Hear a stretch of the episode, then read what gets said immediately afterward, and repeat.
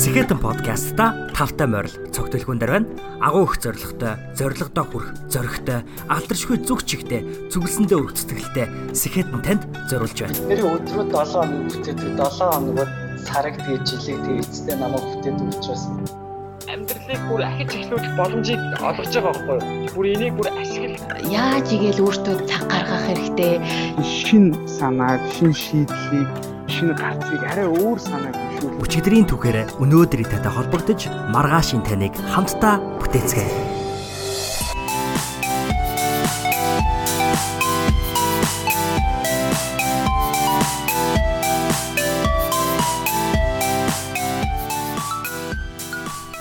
Сайн мэцхан сонсогчдоо энэ хүрээд сэхэдэн төслийн хүрээний бэлтгэн хүргэдэг Ями 8 подкастын маань 73 дахь дугаар эхлэхэд бэлэн болсон байна.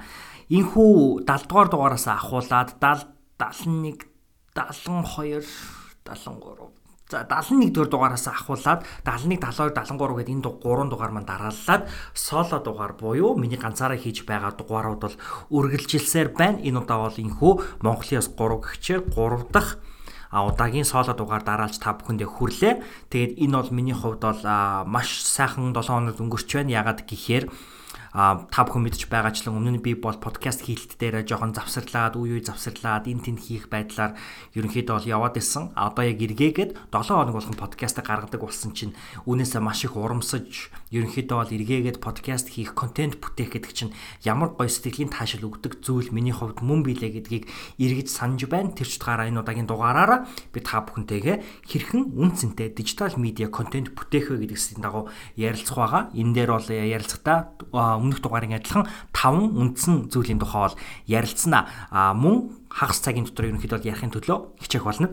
За сүүлийн үед ажигласан нэг зүйл байгаа. За баг өнөөдөр яг өнөдөө өнөөдөр ажигласан. За яг нөхөө дижитал медиа контент бүтээх тухай контент одоо подкаст хий гэж бодоод тэгээд би өөр нь хизэнээс эхэлж контент хийж эхэлсэн байлээ гэдгээ санахын тулд нэг зүйл оролдож үзсэн юм ба.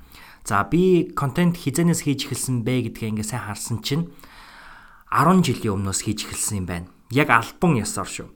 Тэгээ би тэрийг яаж мэдсэн бэ гэхээр би та бүхэн бол мдээгүй бол 10 жилд байхдаа 8 дугаар ангиас ахуулаад за ер нь бол нэлээд бага ангиас ахуулаад 6 ч байна уу 7 дугаар ангиас ч байна уу ерөнхийдөө бол вебсайт хийж оролдож үзхийг их оролддог байсан. Манай ээж надад хэлжсэн байхгүй жоохон багт. Одоо жоохон хүүхдүүд вебсайт хийгээд мөнгө олдог болцсон байна гэж хэлж исэн. Тэрнээс хойш би гэртээ баг гадаа тоглодог байсан хүүхэд чинь хувраад гэртээ үлдээд компьютерийн ард суудаг тийм nerd тийм ээ тийм жоохон компьютерийн донтой хүүхэд болж хувирсан л да. Компьютерийн донтой гэдэг нь болохоор компьютер тоглодоггүй интернетэд донтчихсан ер нь бол вебсайт хийж үзхийг сурахыг бол их хичээж байсан. Тэгээд тухайн үед нөгөө varied site-ууд гэж их болдог байсан. Би одоо зөв хэлж гинөө мэдэхгүй. Гэтэ ямар ч хэлсэн яадаг вебсайт вэ гэхээр одоо контент татаж авах зорилготой компьютерийн тоглоом, гар утасны, дэлгэцний зураг, дуу, хөгжим, тийм ээ, ном гэл янз бүрийн зүйлүүдийг татаж авдаг ийм зүйл байсан. А гэхдээ миний хувьд болохоор и залуус гэдэг вебсайтыг 2009 оны 10 сараас эхэлж ер нь аль бие ёсоор ажиллуулж эхэлж исэн юм байна. Миний санаж байгаагаар би өстө орой олгон суугаад өдөр олгон нэг вебсайтынхаа нэг асуудлыг янзлдаг ч юм уу нэг байтугай нилээд хідэн зүйлүүдийг янзалдаг, илүү өргөжүүлдэг, тэлдэг, өөрчилдөг ингээл янз бүрийн зүйлүүд хүргэдэг байсан. А үүн дээр үүнээсээ гадна контент хүргэлт дээр маш их анхаардаг байсан. Бараг өдөрт нэг блог пост оруулдаг байсан санагдаж байна. А тэгээд заримдаа нэг байтугай бас 1 2 3 одоо өдөрт бараг 3 контент оруулах өдрүүд байдаг. Тэгээд яадаг байсан бэ гэхээр миний санаж байгаагаар надад маш их нэг юм оригинал контент бүтээх хүсэл бол байдаг байсан. Тухайн үед бол одоо миний санаж байгаагаар SAC гэдэг нэг varied site байдаг байсан. Хорон бол тэр үед л маш хүчтэй байсан.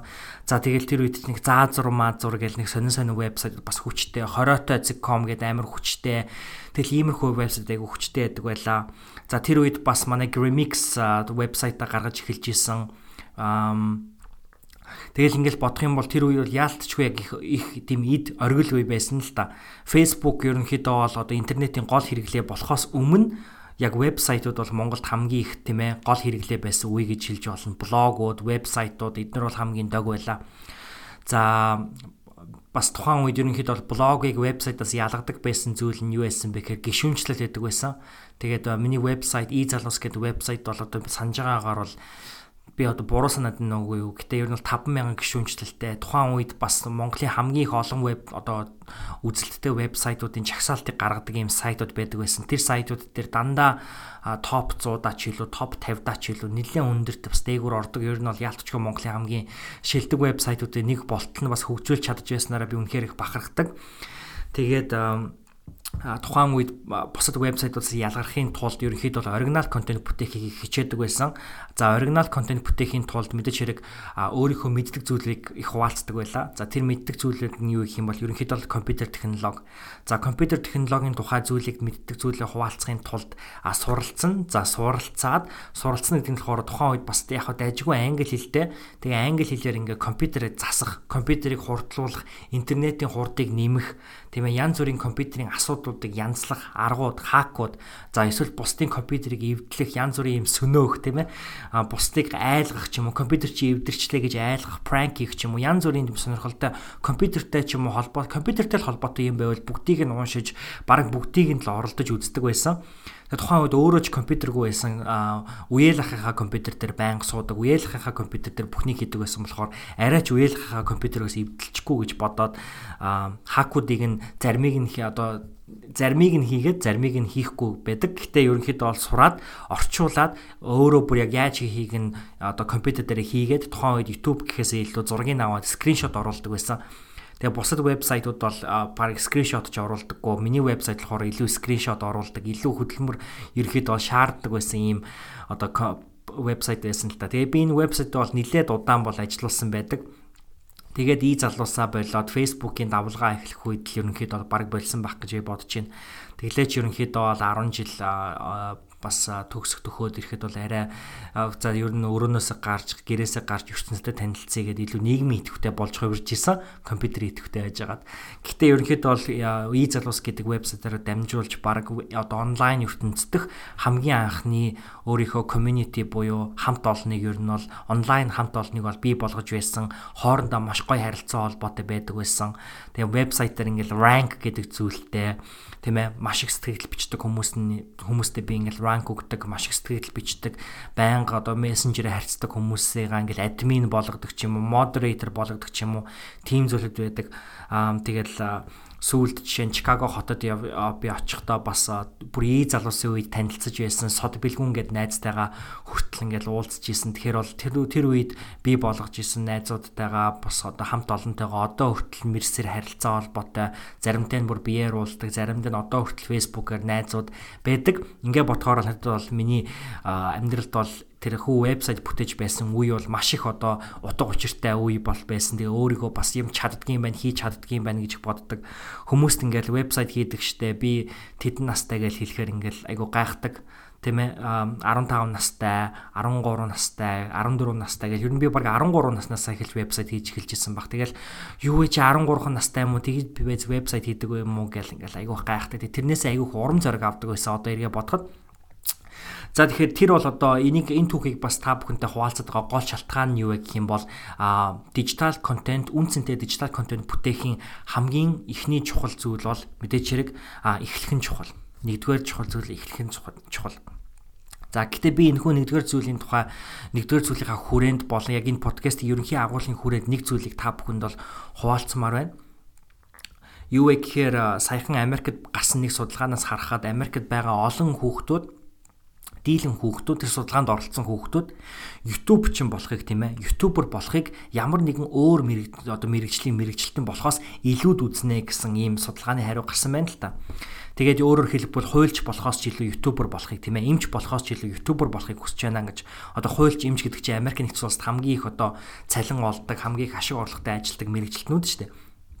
Тэгэхэд тэр мэрэгчлэнүүдээс болон бусад ямар ч мэрэгчлээс илүүтэйгээр YouTube ч болохыг илүү хүсдэг гэсэн нэг ийм зүйл бол гарч ирсэн байна. А гэхдээ миний хувьд өнөөдөр яг энэ хүү подкастын дугаарын хувьд болохоор контент бүтээж эхлэн гэдэг бол миний бодлоор одоо орчин үед хүн болгоно л контент бүтээдэг болсон байна. Хүн болгоно л ухаалаг гар утастай тийм ээ контентыг дотор нь магадгүй дижитал контент, аналог контент гэж одоо яг энэ контент одоо энэ подкастын хүрээнд хоёр хувааж болж байна л да. Эртнээс бол бид нар одоо аналог контентууд бол бүтээгээд эхэлсэн байсан те. Одоо ном бичдэг ч юм уу, захиа бичдэг ч юм уу. Эдгээр бол ингээд ямар нэгэн уул мөр үлдээдэг зүйл. А өнөөдөр дижитал контент ээ гар утсан дээр зураг авч ийна гэдэг чинь бас л бид нар ерөнхийдөө уул мөр бүтээгээд ингээд контент бүтээгээ явж байгаа. Тэгэхээр гол асуулт нь болохоор хүн болгон контент бүтээдэг юм байна А тэгвэл тэр контентоо өөртөө хадгалах уу? бусдад түгээх үү эсвэл цөөн хүмүүст зориулж хүргэх үү цөөн хүмүүс гэдэгт нь магадгүй гэр бүлийнхаа хүмүүс ч юм уу найзуудаа ч юм уу эсвэл магадгүй та хоёр одоо үеийн дараах үр ачтаа тийм ээ өөртөө үр ачтаа үлдээж байгаа өв хөрөнгөч аж болно. Тийм учраас ямар төрлийн контент хүнд зориулж бүтээж байгаа юм бэ гэдгээр нь хамгийн түрүүд асуух хэрэгтэй. Тэгээд эхлэх нь чухал. За миний хувьд болохоор контент одоо тэгээд 10 жилийн өмнө вебсайт ажиллуулж эхэлсэн. Тэгээд мэдээж хэрэг вебсайтаа болоод дараа нь зүгээр Facebook, хувийн Facebook хөтэлдэг байсан. Гэтэ тэрнээс хойш 10 жил байхдаа хувийн Facebook-ээс гадна гэгээ сэтгэл хөдлөм хуудас гэдээ хуудас хөтэлдэг байлаа. Тэрэн дээр тухайн үед уншдаг байсан ном одоо гарсан зүйлүүдийг одоо сургамжт өгүүлэлгүүдийг их одоо хүргэж хүмүүс хүргэдэг байсан. Маш богино хугацаанд олон хүнд хүрж маш гой гой мессеж сэтгэлдлүүд авдаг байснаа бол санаж байна. Тэгээд иймэрхүү байдлаар ерөнхийдөө бол өөрийнхөө тухайн үед хийгээд таашаал авж байгаа тийм ээ. Тухайн үед би бол одоо өмнө нь вебсайт хийдэг байх үедээ болохоор илүү компьютер технологи дуртай болохоор тэр талын мэдээллүүдийг оригинал контент оруулдаг байсан бол дараа нь илүү эргээгээд ном унших дуртай, эргээд номын амтанд орохтойгоо зэрэгцээд сургамжит өгүүлэлгүүдийг хүмүүстэй хуваалцдаг байсан.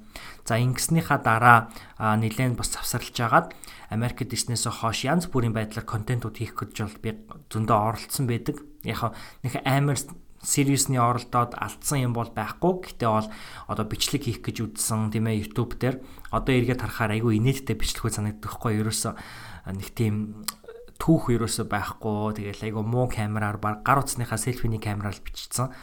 Тэгэл ингээл бодож исэн. Тэгэл тухайн үед бас ер нь бол айгүй гой контент хийхийн тулд ер нь бол их одоо хүсдэг байсан. Тэр ч утгаараа нөгөө тухайн үед хүрэж байгаа бичлэгүүдээсээ энэ ерөөсөө тийм гоё чанартай контент болж чадахгүй байна гэж бодсон учраас одоо хитрхи гоё юм бүтээх гээд тэрийг бүтээж чадахгүй болохоор сэтгэл одоо хангалуун байдалд маань байхгүй учраас ингээ сэтгэлээр унаад ч гэдэг юм уу ер нь урам хугараад ингээ болцсон байсан. За тэгээ явж байгаад манай одоо хамтрагч Сэхэдэн подкастын хамтран хөтлөгч таймна маань энэ Facebook дээр ихэж бол одоо лайв хийж улсан байгаа те. Тэгэхээр энэ таймна маань Facebook-оор дамжуулж таймтай хамт номын хилцүүл гэдэг лайвыг та бүхэнтэйгээ хүргэж эхэлсэн. Энэ нь болохоор надад ч гэлтгүү миний эргэн тойронд хүмүүст болон маш олон хүмүүст ерөнхийд л урам зориг өгсөн гэж би боддог. Тэр нь ямар урам зориг өгсөн бэ гэхээр контентын одоо энэ бүтээлч байдал дээр анхаарахаас илүүтэйгээр контентоо өгж байгаа үр өгөөж тийм ээ үнцэн дээр илүү анхаарах хэрэгтэй гэж. Тэгээ тухайн үед бас 16 оноос хойш ялангуяа миний амьдралд хамгийн их хүчтэй нөлөөлж эхэлсэн миний хийсэр менторуудын нэг бол та бүхэн мэдж байгаа Gary Vaynerchuk.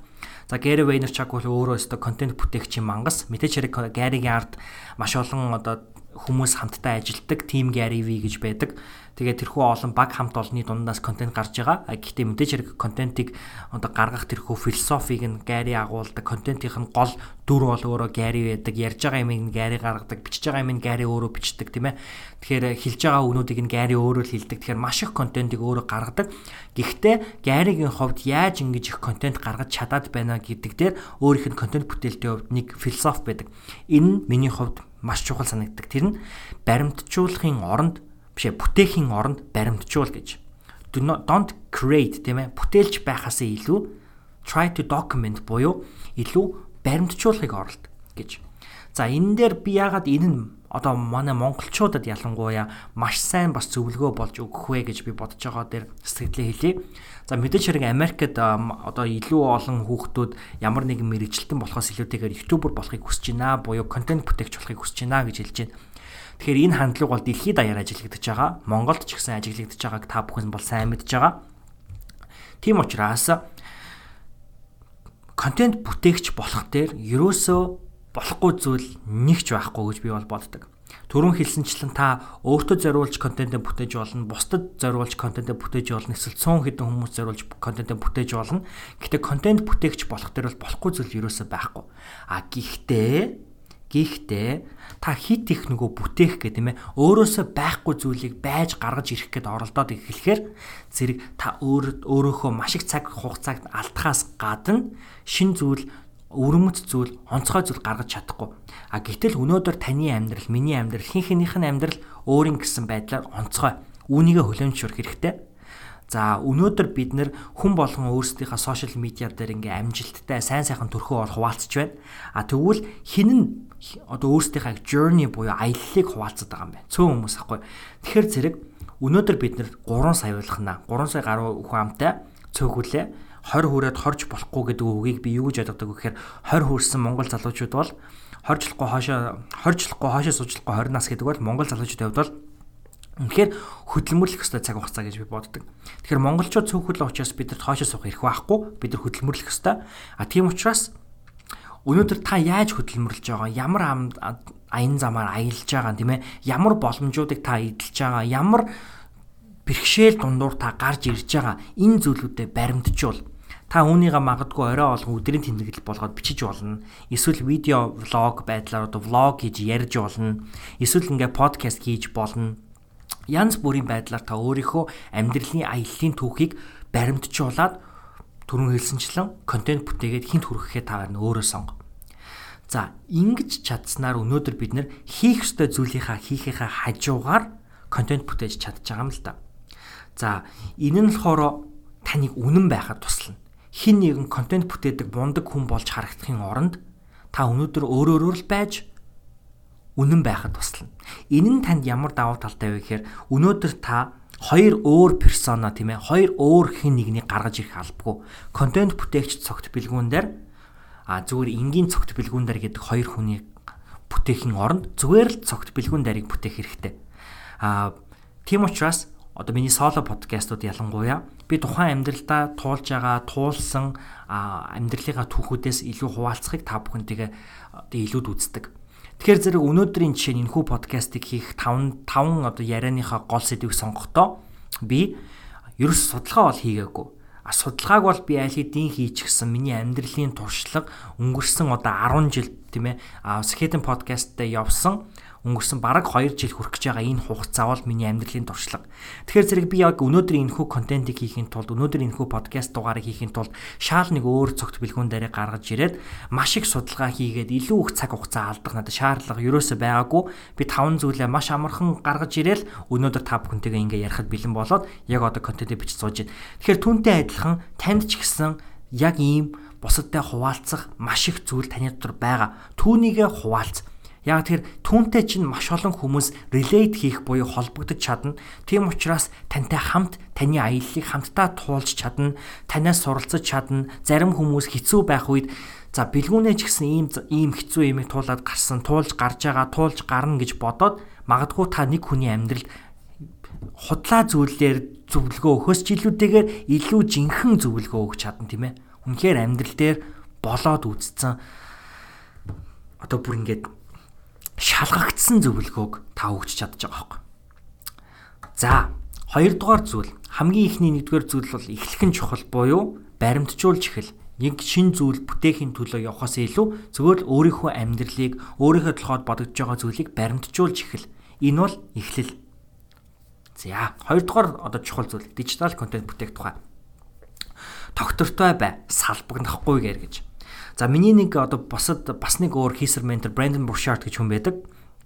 Тэгээ тэр хүний бичсэн Millionaire Messenger буюу саятан мессенжер одоо саятан мессеж түгээгч гэж ном байдаг л да. Энэ нь болохоор өөр яг номных нь гарчигнаас хэлж байгаачлан хэрхэн өөрийнхөө мессежийг хүмүүст хүргэж өөрийнхөө дуу хоолойгоор дамжуулж өөрийнхөө экспертиз буюу ямар нэгэн чаддаг зүйлээрээ дамжуулж одоо саятан болох вэ гэдэг л юм ном л доо. А энэ номон дээр болохоор нэг сэдв сонгоод түүндээ дор хаяж 5 жил үнэнч бай гэдэг нэг ийм зөвлөгөө өгд юм Брэндон Буршартын. За энэ зөвлөгөөг би сонсцоход үнэхээр за би яг ингэх хэвээр байна гэж бодож исэн. А гэхдээ би өөрийгөө тухайн үед аль хэдийн танад мэдсэн байсан. Яагаад вэ гэхээр яагаад би гэгээ гэд одоо өмнө нь Facebook дээр явуулж исэн юм а тухайн үе тийм амжилттай байсан юм бол өргөжлөлд явуулаагүй. Яагаад и залуус гэд одоо цахим вебсайтаа өргөжлөлд явуулаагүй юм гэхээр нэг сэдвт маш их баригдажсэн. И залуус жишээ нь зөвхөн технологи, гэгээ гэвэл зөвхөн одоо сургамжт өгүүлэлэг ном тийм ээ. За тэгвэл би юу өөрөөсөө сонирхох дуртай юм бэ гэдгээ өөрөө бодоод үзсэн чи би бол тал бүрээр сонирхолтой. Магадгүй та бүхэн намайг инстаграмаар дагж байгаа бол сүүлийн үед би маш их кофений тухай одоо юу оруулж байгаа. Сторинууд оруулж байгаа. Би бясалгал хийх дуртай, байгальд байх дуртай, сүулт нохоо аваад нохоотой болоод маш нохоонд дуртай нэгэн болж хувирсан. Ингээд харахад миний амьдрал дуртай зүйл маш олон байна. Тэгээ эднэр юу вэ гэж ингэж харах юм бол энэ бол зөвхөн миний амьдралын хэм маяг байгаа байхгүй юу? Тэгэхээр зэрэг би Нямын 8 гээд 7 хоногт өөрийнхөө амьдралд хэрэгжүүлсэн, миний амьдралын хэм маягт нөлөөлсөн 8 зүйлийг хуваалцдаг. За энэ амьдралын маяга хуваалцдаг блог бичиж эхэлье гэж би бодож исэн. Тэгээ энэ блог маань сүүлд амьдралын хэм маягийн подкаст болж хувирсан. Одоо ч гэсэн өнөөдрийн хүртэл амжилттайгаар бид нар энэхүү амьдралын хэм маягийн контентийг бүтээгээд явж байна. Аа Нямын 8 маань тэгээд одоо ингэж асуулт ирж байгаа байхгүй Гэтэ нэг сэдвийг сонгосон шүү дээ. Нямын 8 тэгвэл 8 өөр зүйлийн тухай яриад шүү дээ. Тэр асуултанд би хариулахдаа юу гэж хариулсан бэ гэхээр тэгвэл би 7 хоногийн амьдралын маяг дээр л төвлөрье гэж бодож исэн. Тэгэхээр зэрэг яг үнэндээ би үнэхээр нэг сэдвийг сонгоод одоо 5 жил байтугай 2 жилч хүрээгүй байна. Гэхдээ амьдралын хэм маяг гэдэг сэдв дээр бол үлдэж байгаа. Гэхдээ 7 хоногийнх дээр бол болчихсон. А гэхдээ би зочдтойгоо подкаст хийхдээ болон өөрийнхөө энэхүү соло дугааруудыг хуваалцахдаа аль болох амьдралынхаа сүүлийн үеийн туршлагуудаас нь хуваалцахыг илүүд үздэг. Тэгэхээр зэрэг таны хувьд зөвлөх гээд байгаа зөвлөгөө нь юу вэ гэх юм бол нэг сэдвийг сонгох хэрэгтэй. Гэхдээ салбагнах ерөөсөө хэрэггүй. Жишээ нь одоо би ерөөсөө хүүхд төрүүлж үзээгүй тийм ээ. За би одоо хүүхд төрүүлэх чашаа аа болж үзээгүй. А гэхдээ гинт би одоо хэрхэн сайн аав байх вэ гэдэг төрлийн контент хийгээд эхэлвэл надад тохирохгүй шүү дээ. Би ерөөсөө тэр талаар ярьж чадахгүй. Намайг би яг оролдвол магадгүй хідэн контент гаргаж чадах л ба. Гэхдээ би бол нэг газар очиод хан мөргөл зогсно. Тэгэхээр зэрэг өөрийнхөө чаддаг нэг сэдвийг сонгож аваад салбаг бусад одоо өөрийнхөө чадахгүй зүйл рүү орнохыг би салбагнах гэж хэлээд байгаа байхгүй. Өөрийнхөө чадахгүй мэдгүй өөрийн биш одоо салбар руу өсөж орохыг салбагнах. Тэгэхээр өөрийнхөө мэддэг чаддаг тойрог дотроо үлдээд тэндээ өөрийнхөө контентуудыг бүтээгээд тогтвортой байх. Тэгэхээр тогтвортой байх гэдэг дээр бас нэг өөр чухал ойлголол мэдээж хэрэг байгаа. Та бусдад амлалт өгөх хэрэгтэй. 7 хоногт нэг подкаст ч юм уу нэг контент гаргаж байгаа юм уу? Эсвэл сард нэг контент гаргаж байгаа юм уу? Эсвэл үнэхээр магадгүй та зүгээр л үнэн байгаад би ойрын үед одоо контент гаргахдаа хизээж гаргаж магадгүй бичмээр байгаа л үедээ бичдэг энэ бол одоо юм сайн дурын блог ч гэдэг юм уу те иймэрхүү байдлаар хүмүүс чамаас танаас юу хүлээх ёстой вэ гэдгийг нь тодорхой болгож өгөх хэрэгтэй.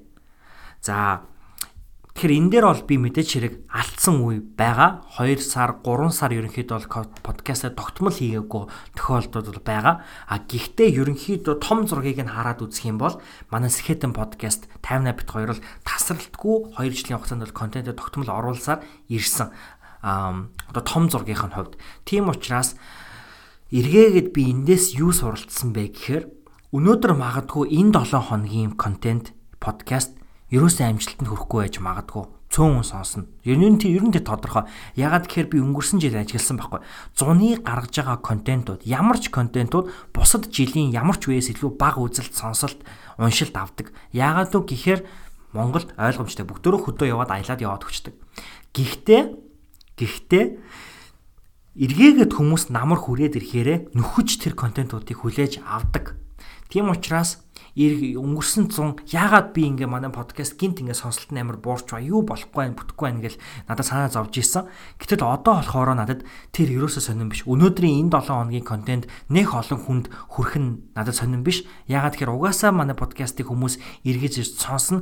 Гэтэ хамгийн чухал нэг хүний амьдрал ч гэсэн нөлөө үзүүлж ивэл тэр хамгийн чухал. Юу юунаас ч илүү хамгийн чухал. Тэгэхээр тэрэн дээрээ л төвлөрөх хэрэгтэй. Тэр л хамгийн чухал. За хоёрдугаар чухал зүйл одоо өнгөрсөн сая энэ 2 дугаар 3 дугаар чухал зүйл шүү. 2 дугаар чухал зүйлтэйгээ жоохон холбоотой.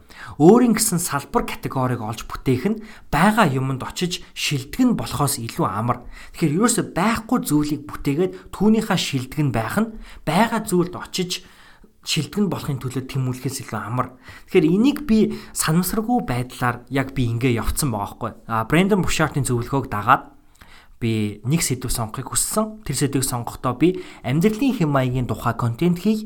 Гэхдээ амьдралын хэм маягийн тухай контент дотроо 7 хоногийн л амьдрал дээр амьдрал дээр төвлөрдөг бай гэж бодоод өөрийн гэсэн ийм салбар контентийг бүтээж исэн.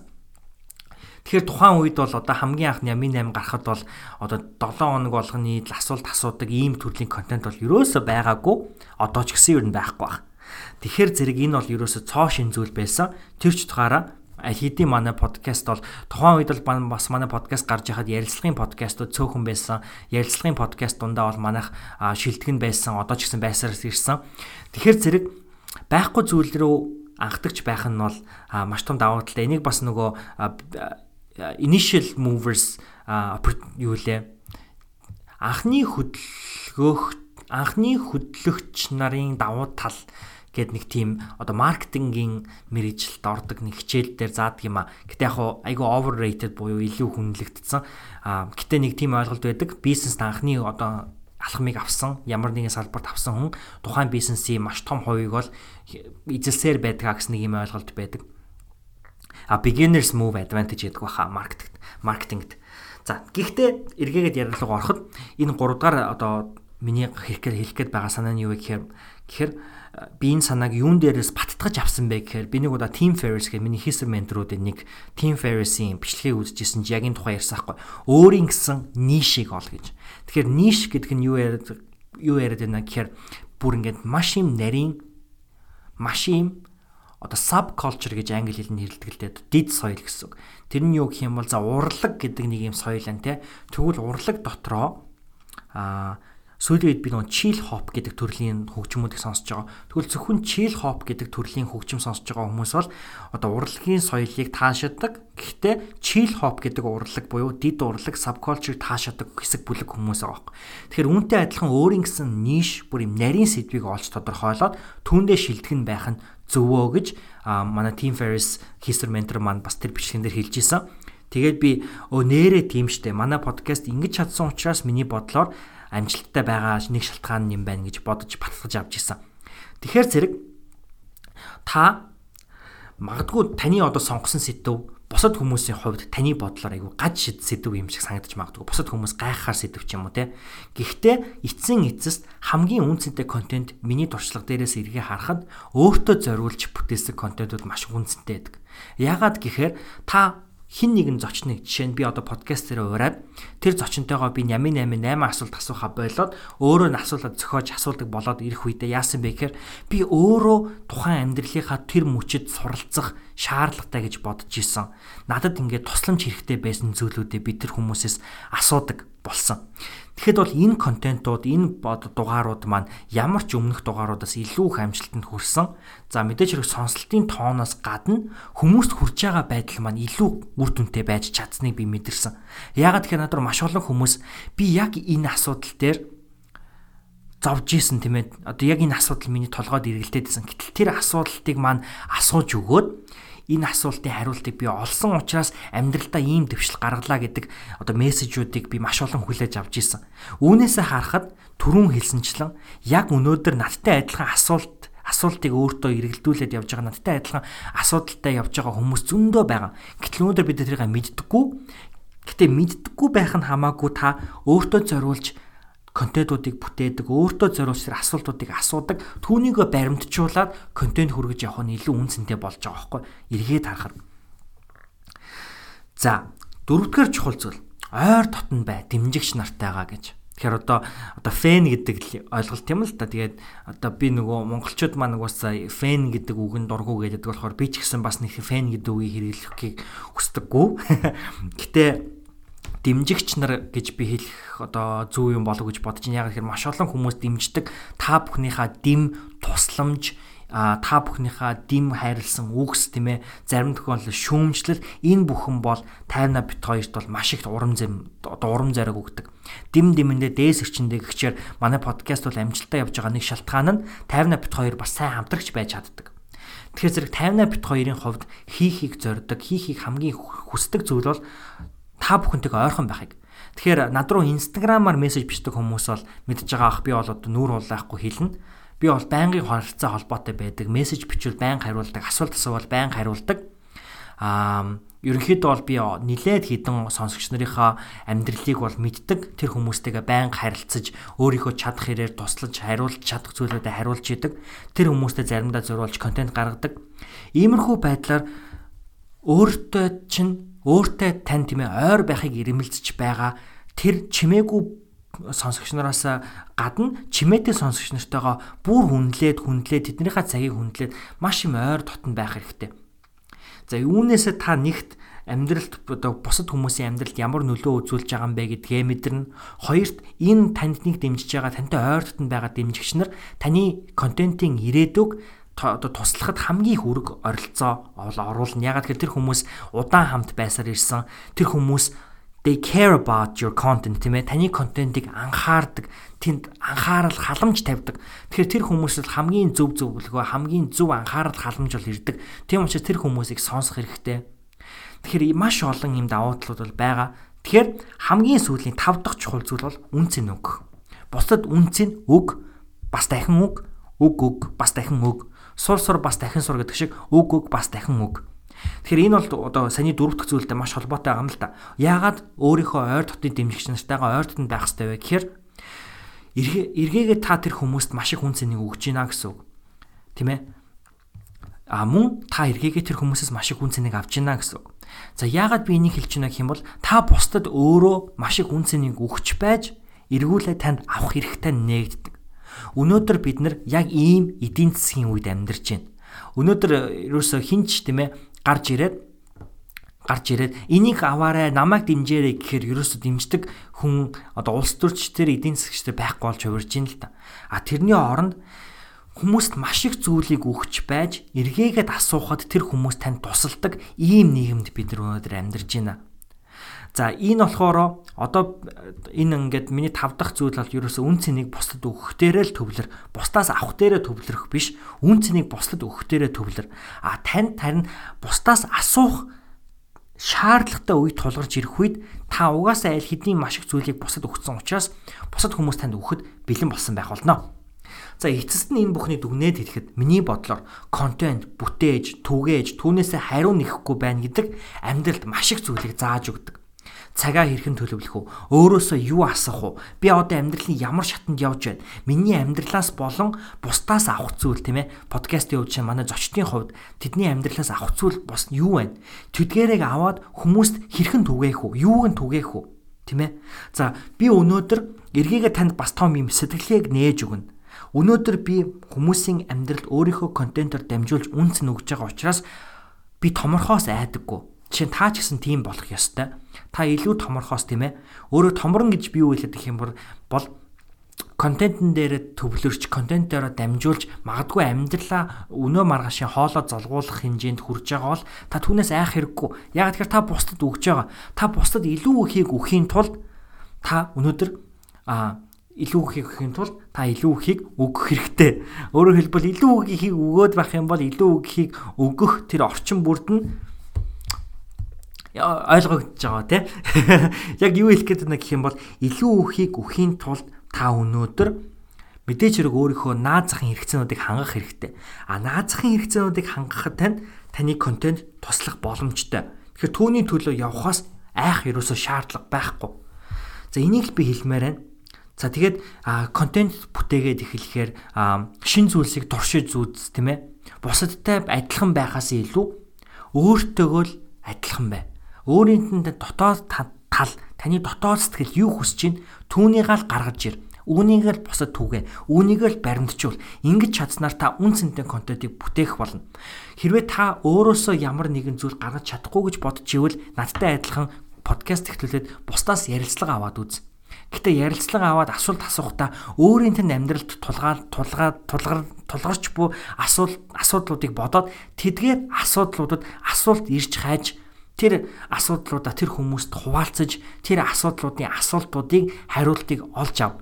Ингэснээр тантай адилхан яг тэрхүү асуултуудын ирэлд явж байгаа хүмүүс тантай нэгдэн энэ бүхэн нэгдэж нэгэн гэр бүл хотол хамт олон бий болно. Тэр хотол хамт олон 50 бит хоёрын хувьд болон Сэхэтэн төслийн хамт олонны хувьд Сэхэтэн гэр бүл та нар маань юм шүү. Энэ хүрээд Сэхэтэн төслийн хүрээнд бэлтгэн хүрээдэг 88 подкастын маань 73 дугаар өндөрлөл дугаар өндөрлөж байна. Бидэнтэй хамт байдаг Сэхэтэн гэр бүлийн гишүүн танд маш баярлалаа. Баяртай.